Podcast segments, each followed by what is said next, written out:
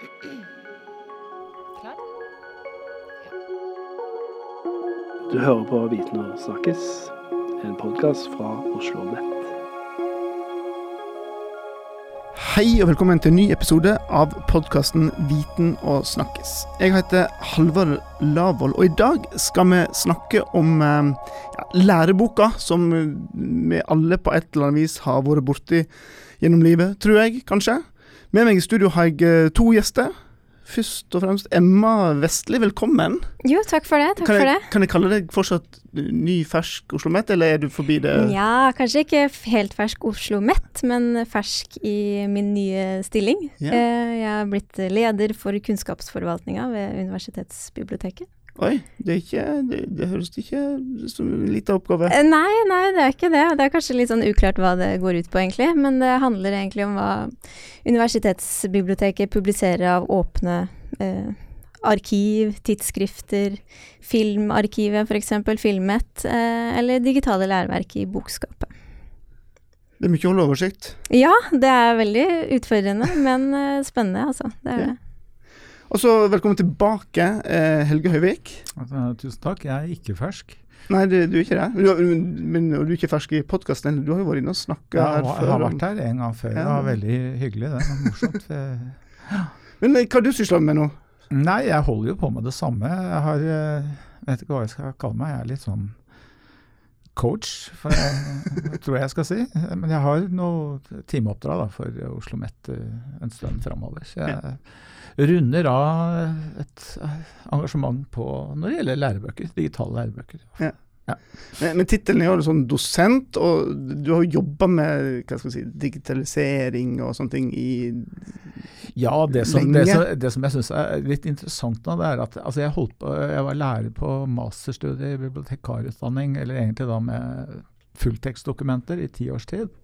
Og mye av det vi holdt på med der, det kommer liksom tilbake nå. Ja. Og så var jeg ti år på Pedagogiske utviklingssenteret, så jeg fikk med meg den biten òg. Og så nå er jeg tilbake igjen i biblioteket sammen med Emma. Så det, det, er, det er fint på en måte at uh, flere elver møtes igjen. Så, det, så jeg syns det er veldig gøy. Ja. Det er veldig gøy, altså. Ja, så bra. Men vi skal snakke om lærebøker i dag. Altså, jeg har jo vært student, og både kjøpt og lest og streka under og brukt lærebøker i opptil flere år. Emma, hadde du noe sånn forhold til læreboka? Ja, jeg har jo det. Eh, men, men det er jo litt rart med, med læreboka som sådan, da. Altså, jeg har jo bakgrunn fra medievitenskap ved Universitetet i Oslo, og nå har jeg blitt universitetsbibliotekar. Det er kanskje ikke helt eh, den, eh, den retningen som er riktig, men og man kan jo tenke liksom hvilken rolle har de fagbøkene og lærebøkene jeg hadde i medievitenskap for min rolle nå, da. Jeg vet ikke. Det kan jo hende at det går mer på liksom de erfaringene man gjør seg opp igjennom, enn uh, sjølve kunnskapen i boka som sådan. Jeg har lyst til å slenge på en liten kommentar jeg, til Emma på det. fordi at eh, altså, Et interessant sted å følge med nå, det er McKinsey. Det er liksom liberalt, men også veldig oppegående i å analysere hva som skjer i arbeidslivet, naturligvis først og fremst i USA. De har nå spurt uh, ganske mange bedrifter, da, representativt utvalg, om hvordan dette med ferdigheter og kunnskaper er. Og alle svarer at nå må de gjøre om på det de kan. Og det ligner litt på din erfaring. Emma. Altså, Mm. Du starter et, et sted, og så ender du kanskje et annet sted, og så skal du ende enda et tredje og et fjerde sted. Så de vil dels rekruttere nye folk for å få inn nye ferdigheter. Eller de må omskolere folk. Og nye folk det får man jo fra utdanningssystemet. Mens uh, omskolering, i hvert fall i Norge, så er det jo sånn at uh, mer og mer så ønsker man jo at eh, høyere utdanning skal bistå bedriftene med etter- og videreutdanning. Så det kommer tilbake til oss. Så jeg tror vi må skjønne læreboka framover i lys av de endringene som skjer i arbeidsmarkedet. og Derfor er det veldig relevant, din erfaring. Som jeg tror er veldig typisk for hvordan folk kommer til å ha det fremover. Men du, før vi går inn på framtida til læreboka, eh, der, litt bakover i tid eh, Ja, det er veldig lett. eh, Som, som du også nevner på, så tenker man liksom tilbake til sin egen studietid. Og, men altså, jeg har holdt på såpass lenge at jeg faktisk Mange av de viktige lærebøkene jeg kjøpte, var stensiler som jeg fikk kjøpt opp på Blindern.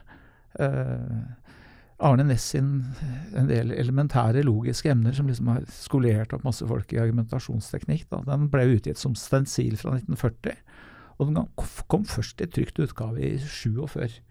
Sånn at det var et lite marked. Det var jo en 3000-5000 studenter i Norge i mange, mange år. Og da var det ikke noe stort behov for lærebøker utover disse stensilene, og de var jo tett på undervisningen. Det som skjer nå, er at vi kommer tilbake igjen til det, etter en lang periode med disse store læreverkene som forlagene har gitt ut. Men, men var det liksom type artikler som han hadde skrevet? Nei, var det, var, det var lærere som tok sine forelesningsnotater og skrev dem ut, og så forbedra de dem år for år. Så da kom det i utgaver, og så ble det til slutt trykt opp. Men det som er interessant, var jo at det var studentene som organiserte dette her studentsamskipnaden, som ikke bare tok eh, hånd om bolig og mat, men de skulle også tenke på åndelig føde. Lærebøkene, stensilene. Og det førte i sin tid fram til uh, universitetsforlaget, men det likte ikke bokhandler og andre forlag. Altså det var jo krig, det var jo rettssak og sånn, som endte med forlik da. Og etter det så kom forlagene på banen med disse store læreverkene i helse og for lærerutdanning og sånn, og tjente nok ganske gode penger på det. Og det er det som nå også er litt under press da, fra digitaliseringen. Mm. Mm. Men eh, Ligner det til på kompendiene som eh, jeg fikk utdelt når jeg eh, studerte? Ja, det, var, det fikk, hadde kompendiekarakter, men det var jo sånn 70-80-90 sider som var skrevet uh, gjennom. Så det og jeg jobber mye med nå, det er jo å på en måte gjenoppfinne kompendieproduksjonen, men nå kaller vi det digitale læreverk, hvor ikke bare én person, men kanskje en hel redaksjon lager digitale undervisningsressurser mm. som kan brukes i hele Norge. Mm. Ja, vi ser jo det at eh, Eller som jeg snakka litt om, at det, det er kanskje ikke den kunnskapen du får fra læreboka som sådan, som preger hvordan du opptrer i arbeidslivet. Det er de erfaringene du gjør. Altså, Sykepleiere da, de lærer jo ikke hvordan man tar en blodprøve gjennom eh, læreboka, men det er jo gjennom prøving og, og feiling, ikke sant. Eh, og jo, vi ser jo det også med hvordan vi jobber med de her digitale læreverkene, at det er faglærerne nå som bruker sine nettverk eh, med praksisfelt og yrkesfelt, og, og hvordan de um, bruker sine erfaringer, ikke sant, og lager, eh, lager læreverk basert på det. Mm. Um, ja. Mm. Og det, altså, det er en, en, blanding av bok og det faglitterære som vi skal ha i hevd, og så er det nettverksbyggingen innad på institusjoner, men enda mer mellom institusjoner, mm. tror jeg, eh, som kommer til å prege dette her. Det er ikke den enkelte lærer aleine som utgir bok, men det er mange sammen. Og det er også sånn at det, er, altså det krever jo en del å lage dette her. Sånn at eh, en bok på en, altså et, et, digitalt verk, da, det har jo masse videoer og stillbilder og interaksjon og sånn. Det er altfor dyrt å gjøre det bare for hvert enkelt studium. Det må være nasjonalt. Samtidig, og det kan jeg komme tilbake til, så er det skal vi si, et, et uløst problem at man har klistret det faglitterære til studieadministrasjon i systemer som Blackboard og Canvas og sånn, som er eh, eid av amerikansk finanskapital, og som vil bruke kunnskapene de kan trekke ut av dette, sånn som kritikken av Google. Mm. Så der er det en, en, en, et spørsmål som må diskuteres og løses i årene som kommer. Mm. Men fortell litt mer om hvordan disse digitale du kalte læreverk mm. Hvordan framstår de for en student som kommer til Oslo OsloMet og skal begynne å studere? Liksom, hvordan ser det første møtet ut? For det, jeg tror alle ser for seg dette pensumlista, gå og kjøp den boka holde den mellom fingrene og se kapittelet og innholdsfortegnelsen. Den er litt sånn Ja, ikke sant. Det er egentlig kanskje nesten litt ironisk, men det er, ligner jo litt på en bok. Eh, bare at det er på nett. Eh, så det er jo bygd opp eh, av kapitler og underkapitler og sider, men at du har denne sammensyinga av læringsstoffet, ikke sant. Altså det er, det er fagtekster, det er videoer, det er, kan være podkast, bilder, oppgaver, ikke minst.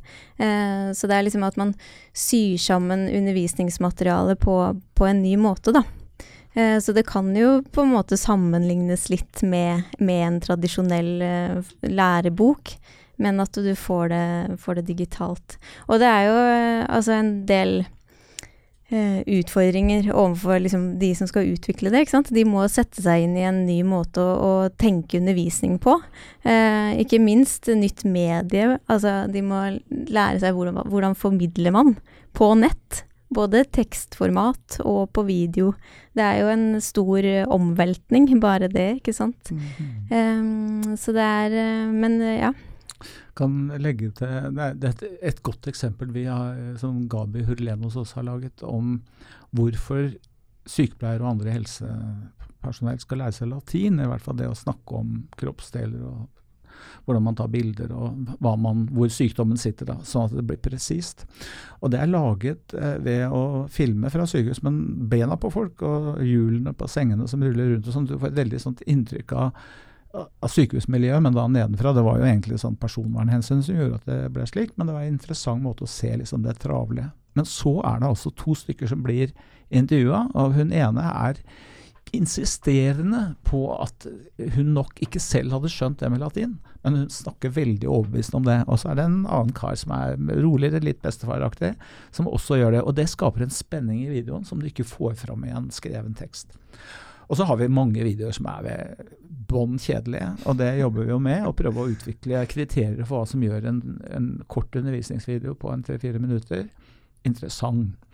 Og så må jeg bare legge til at det som Emma sier også, det er interaktive oppgaver hvor du kan få spørsmål for å teste deg sjøl, og så skal det være programmert inn tilbakemeldinger på de ulike misforståelsene som studenten har. Og en flink lærer kan jo mye av det. Sånn at eh, vi har nå en stor diskusjon om sånn tilbakemelding. Studentene vil vite hvor de står, hva de har forstått. Og Istedenfor å gjøre eksamenssystemet til en tilbakemeldingsmekanisme, som er tendensen nå, så vil vi, ønsker vi å legge det inn med både samtaler, naturligvis, men også i det digitale. Mm. Og det er mulig. Det som er litt spennende med det her, er jo det at selv om man putter det eh, på nett, eller gjør det digitalt, så, så får man en mye mer sterkere sammenkobling mellom student og lærer. Mm. Eh, fordi at eh, man må virkelig jobbe med seg sjøl som underviser når du møter studentene dine. Fordi at de er forberedt i forkant, de har gått gjennom lærestoffet på en annen måte enn hvis de bare blir eh, forelest for, da. Mm. Mm. Eh, så det endrer litt liksom, kriteriene for hvordan du faktisk underviser på. Eh, så jeg tror det òg er en en måte å heve kompetansen og kvaliteten på undervisninga. Ja. Og altså, Det er jeg helt enig i. Og Et sånn teoretisk take på det, det er jo at det, en tekst alltid omskrevet av sosiale praksiser. Altså En forskningsartikkel har jo masse med konferanser og forskningsopplegg og karrieresystemer osv. Og, så og, og lærebøkene, som de stensilene fra 40-50-tallet viser, det er også sosiale praksiser. Så vi har i tillegg til å liksom se på læreboka som sådan, så ser vi også på hvordan er den brukes. Og har laga noe modelltenkning på det og gjør noen forsøk med det. Og der kommer jo det at lærer og student er veldig viktig. Lærer er fortsatt kjempeviktig i kontakten med studentene. Så det er nå én ting.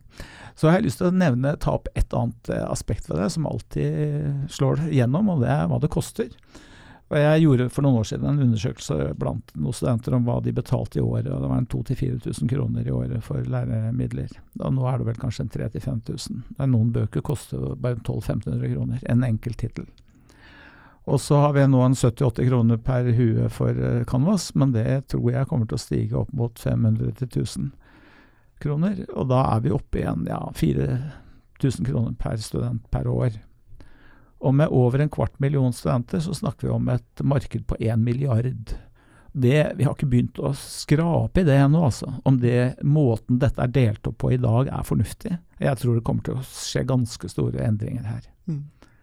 Men hva vet vi om hva skal jeg si, læringseffekten her òg. En diskuterer jo dette her nå i, i barneskolen om en del ut iPader og sånne ting, og så er vel ofte konklusjonen at dette har ikke vi forska nok på, vi vet egentlig ikke så mye.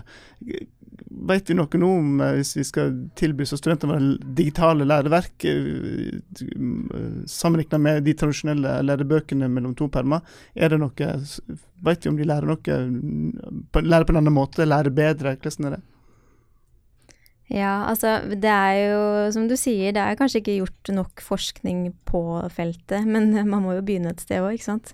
Eh, så at det òg er eh, Altså de vi jobber med, da, de fagmiljøene vi jobber med, har også det som en del av eh, måten de utvikler på, ikke sant. De, de gjør fokusgrupper, de ser på karakterresultatene, eh, og de reviderer på bakgrunn av det for å, for å oppdatere informasjonen og for å forbedre eh, materialet de jobber med, da.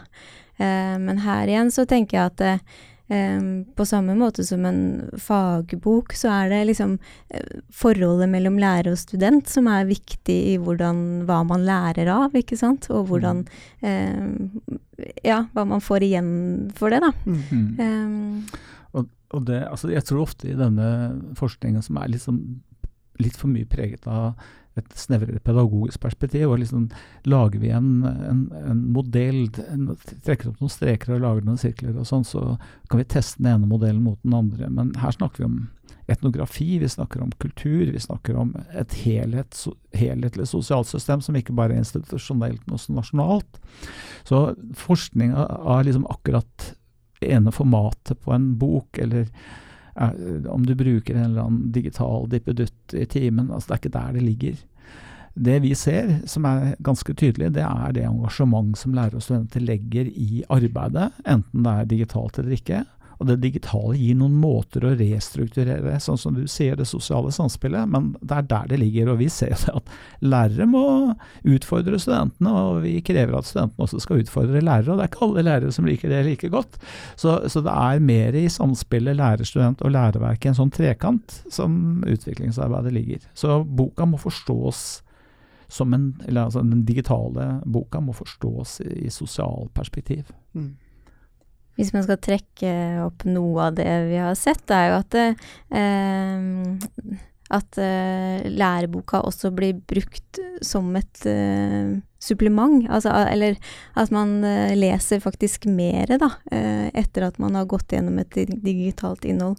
Fordi at du, du, må kanskje gå inn og fordype deg på en annen måte. Det blir lagt opp til oppgaver der du må faktisk grave og forstå innholdet mer, da, enn en hvis du bare hadde lest overfladisk tekst. Eh, så det er liksom hvordan man jobber med materialet òg. Eh, og så tror jeg det er, eh, det er som du snakker om, en, en kulturendring. Og det er òg for studentene sin del, ikke sant. De har en viss forventning når de kommer inn i eh, høyere utdanning. At du skal få foreleseren foran der, og du skal sitte og lene deg tilbake ta noen notater. Men så må du faktisk i gang med å jobbe. Eh, og det tror jeg kanskje er litt, eh, litt sjokk da, for mm. noen. Mm, det er nok det. Og jeg syns altså jeg, jeg, For å legge til én dimensjon det, og jeg synes det er veldig interessant med den stillingen Emma har, som jo har ansvar både for det vi lager av forskningsstoff, som lærere skriver, og forskere skriver, og lærestoffet. Og at altså Den undersøkelsen jeg nevnte tidligere, gikk jo på at det bedriftene trenger, er folk som kan analysere, kunnskapsbasert. De kan lede, og de kan håndtere dataverktøy for analyse og ledelse. Det er særlig det det går på. Slik at Et problem med den klassiske læreboka, hvis vi skal gå tilbake, det var at den fortalte det alle var enige om. Eh, altså Darwin publiserte ikke eh, evolusjonslæren i lærebøker som det første. Det er faktisk sånn at eh, fortsatt så er det problemer med det i enkelte distrikter i USA. Så, men hvis det er sånn at det man trenger nå er folk som er mer kritiske, og som er mer empirisk orienterte, så må også læreboka endre karakter fra liksom å overlevere det som er sant og gitt fra fortida, til å være mer utfordrende, til og med litt mer kranglete, om jeg skal si det populært. Og det kan vi legge inn i det digitale lettere enn i papirtrykk. Mm. Og så vil jeg slutte meg til det Emma sier, at uh, vi er ikke for at uh, den vanlige, stille, dype lesningen forsvinner. Det er en blanding av digitalt og på papir eller på e-, e-bok. da. Mm. Jeg tenker En fordel her må jo være at eh, altså, den tradisjonelle læreboka den tar jo tid å produsere og, og, få gjennom systemet. og Kunnskap blir jo stadig oppdatert, mens jeg regner med disse digitale læreverkene som dere jobber med, er enkelt å oppdatere når det skulle komme ny kunnskap eller noe nytt. Ja, det er interessant å nevne det. for Vi er blitt bedt av REN, Research and Educational Network, som er under Innovasjon Norge, å være vertskap for en, et medlemsmøte, da, åpent seminar 24.3.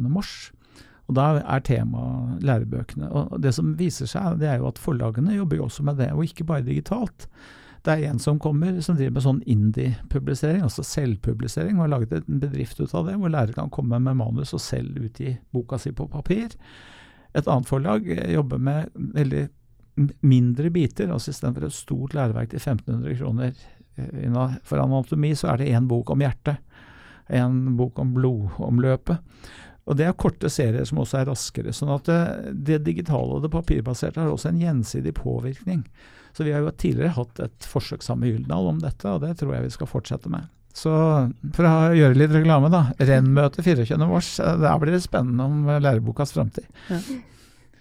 Men det altså er våre, våre, ansatte, altså de som underviser, er de klar for uh, denne her endringen?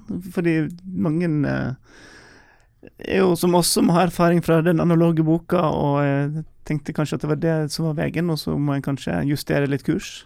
Ja, det er jo både òg, da. Noen er veldig klare, vil jeg si.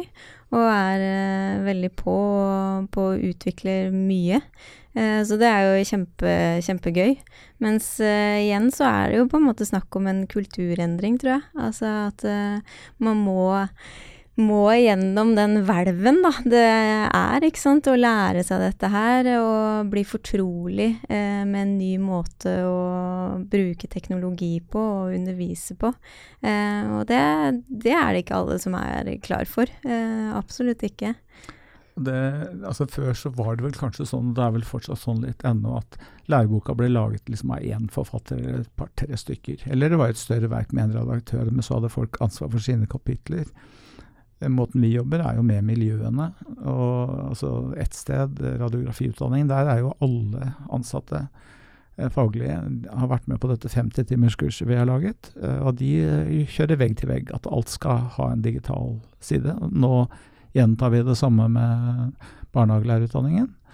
Og kanskje tolkeutdanningen. Og vi jobber nå med andre kolleger på ingeniørutdanningen på NTNU og osv. Så videre. sånn at det, derre å gå fra den liksom enkeltmannsforetaket til en mer samarbeidsorientering eh, er nok er den veien vi skal. Mm. Det koster og det tar tid, det, men det som vi ser, det er at eh, hvis studieleder eller emneansvarlige instituttleder går inn, det har vi sett flere eksempler på, og setter en strategi for det, så er det fullt mulig å få det til. Det tror jeg er kjempeviktig. At det legges av tid i arbeidsplaner og tilrettelegges for at det kan være mulig å, å gjennomføre. Eh, og sånn som med radiografiutdanningen, da, så er det jo Eh, at det at noen går i bresjen ikke sant, og viser at det er mulig, det er gjennomførbart, det, det gir resultater, det, det skaper jo òg en, en, glød ikke sant, hos de andre til å ville prøve og til å ta del i det som skjer. Da. Og det er egentlig ganske gøy å se at alle har, har kasta seg på og er i gang med å utvikle. Folk er jo veldig stolte, mm. enten det er nasjonalt eller internasjonalt. Det er jo noen som har skrevet ting på engelsk og samarbeid med Australia og her og der. og sånn. Så vil jeg også understreke, både Emma og jeg, vi jobber jo i universitetsbiblioteket, og at eh, biblioteket var på en måte sånn Det er litt feil å si tjene noen, men, men, eh, det at biblioteket er en, en likeverdig partner med fagmiljøene, tror jeg er viktig. Og det har vi også konkret erfaring med. At biblioteket stiller med en del folk og ressurser, og fagmiljøene stiller med en del folk og ressurser. Og så utvikler man et samarbeid på institusjons... Eller på liksom over individnivå. Da. Og det bibliotek har en strålende framtid, om jeg skal si det rett ut. Jeg tror, ja, beklager. Eh, jeg tror jo at det gir en viss trygghet, ja. Eh, at, man, at fagmiljøene har den ressursen i bibliotek, og den tradisjonen da, som bibliotek viderefører, og den kompetansen som ligger der, det gir en viss trygghet i at eh, det de faktisk er med og utvikler, det blir ivaretatt. Det, ja, det blir tatt hånd om, og det er noen som kan hjelpe deg på veien. Og, og i dette så er det altså også IT-tjenestene en ve veldig viktig partner. Der har vi gode relasjoner, og det er viktig med pedagogisk kompetanse inn mot dette. Men eh, både i forhold til IT og i forhold til mer sånn pedagogisk profil, så er vi på en måte dokumentfolk, da. Vi ser på bøkene eller de nye læreverkene som en særegen kompetanse. Og det at det er faglitterært, at det har, man sier fint, narrativt struktur, narrativt grep, narrativ disiplin. Et annet ord er autor, som i authority. Autoritet. Altså at det er, det er, et reelt forfatterskap. Det er ikke bare å samle sammen en liste med videoer. Mm. Du, eh, litt tilbake til den økonomiske dimensjonen som du har snakket så vidt om, Helge. Men før har det vært sånn at du skriver lærebok, så og studentene kjøper boka, og pengene går tilbake til forlaget, og den som har skrevet, får jo en ofte bitte liten sum ekstra penger i lomma og, som forfatter. og dermed Nå sier dere at uh, her har vi digitale læreverk som en skal lage mens en er på jobb her. Altså, Hvem eier dette læreverket her? og skal en ta betalt? Skal studentene betale for å ta i bruk et sånt læreverk? Og hvem, hvem tjener Altså, det høres ut som den økonomiske delen her er ikke helt lik sånn som den var. Ja, nå har vi hatt en stor diskusjon uh, om åpen tilgang til forskningen. At det er betalt av statlige midler, skattemidler, og forske i det offentlige systemet, og at uh, denne forskningen skal være tilgjengelig for befolkningen. Jeg syns nøyaktig det samme argumentet kan brukes på utdanning og læreverk, selv om vi har hatt en annen tradisjon der. Men øh, det er også organisasjonsmessige ting knyttet til dette her. Altså Vi kan se for oss en framtid der det å få laget læringsressurser er kontrollert av eksterne eh, systemer fra, som Google eller eh, Toma Bravo, som er det som har kjøpt opp da, dette Canvas-systemet eller andre, som har kontroll på liksom den kunnskapen som systemene genererer. Så skal de enkelte universitetene konkurrere seg imellom om hvem som har det beste tilfanget av lærestoff og undervisning. Og det, det er ålreit med at de konkurrerer, men akkurat det med å lage kunnskapsstoff som er nyttig for hele befolkningen i Norge, det bør ikke være et konkurranseelement med all den bortkastede tid som ligger i det. Så at eh, vi er nok for å arbeide lokalt, men rette det inn nasjonalt. Men jeg har tenkt en del på modellene, for det er litt, kanskje litt detaljert å gå inn på nå. Men det går an å lage mekanismer som forener det nasjonale og det institusjonelle. Det prøver vi å få til. Jeg tenker at uh, dette med digitalisering og Det er jo en del av, av strategien, ikke sant. Uh, og da er jo spørsmålet skal hver enkelt uh, lærer da lage sine digitale elementer, og, og, ikke dele det med noen andre. Det blir jo et veldig lukka forum, og, og kanskje ikke helt hensiktsmessig ressursbruk, det heller. Eh, så det er det vi tenker, er liksom det å åpne opp for gjenbruk og deling eh, er bedre økonomisk sett, da. Mm. I, I, praksis så har vi gjort det sånn at eh, for å få publisert i bokskapet, da, så må man skrive under på at dette skal ligge åpent for alle. Og etter hvert så blir det nok også sånn at mer og mer av de videoene som produserer i bibliotek, skal være åpne. Det er offentlig tilgang til forelesninger i Norge, og hvorfor ikke gjøre det også med det vi legger ut på nett. Og der er det nok noen diskusjoner. Sånn at, eh, som, som også du har vært inne på, Emma, altså kvalitetssikring kommer først og fremst ved at ting er åpne, så folk ser hva som foregår. Ikke at lærere driver med å vranglære innad i sin time, og så er det ingen som vet om det. Vi ser jo det også med noe av det vi har utvikla i bokskapet, blir jo brukt og satt på pensumlitteraturen ved andre universitet, ikke sant. Eh, og det, jeg tenker det er jo et kvalitetsstempel i seg sjøl. Eh, og så skaper det jo samarbeid, som at det har knytta oss til Universitetet i Tromsø f.eks., der det nå skal utvikles et læreverk sammen med de. Eh, så det er liksom en sånn type modell man må, må jobbe mot, da. For de som er nysgjerrig på dette her, eh, temaet og digitale læreverk, eh, vi kan ta og lenke opp til noen eksempel på, eh, med, i denne podkastepisoden. Har dere sånn gode eksempler du vil anbefale folk å, å, kikke litt på?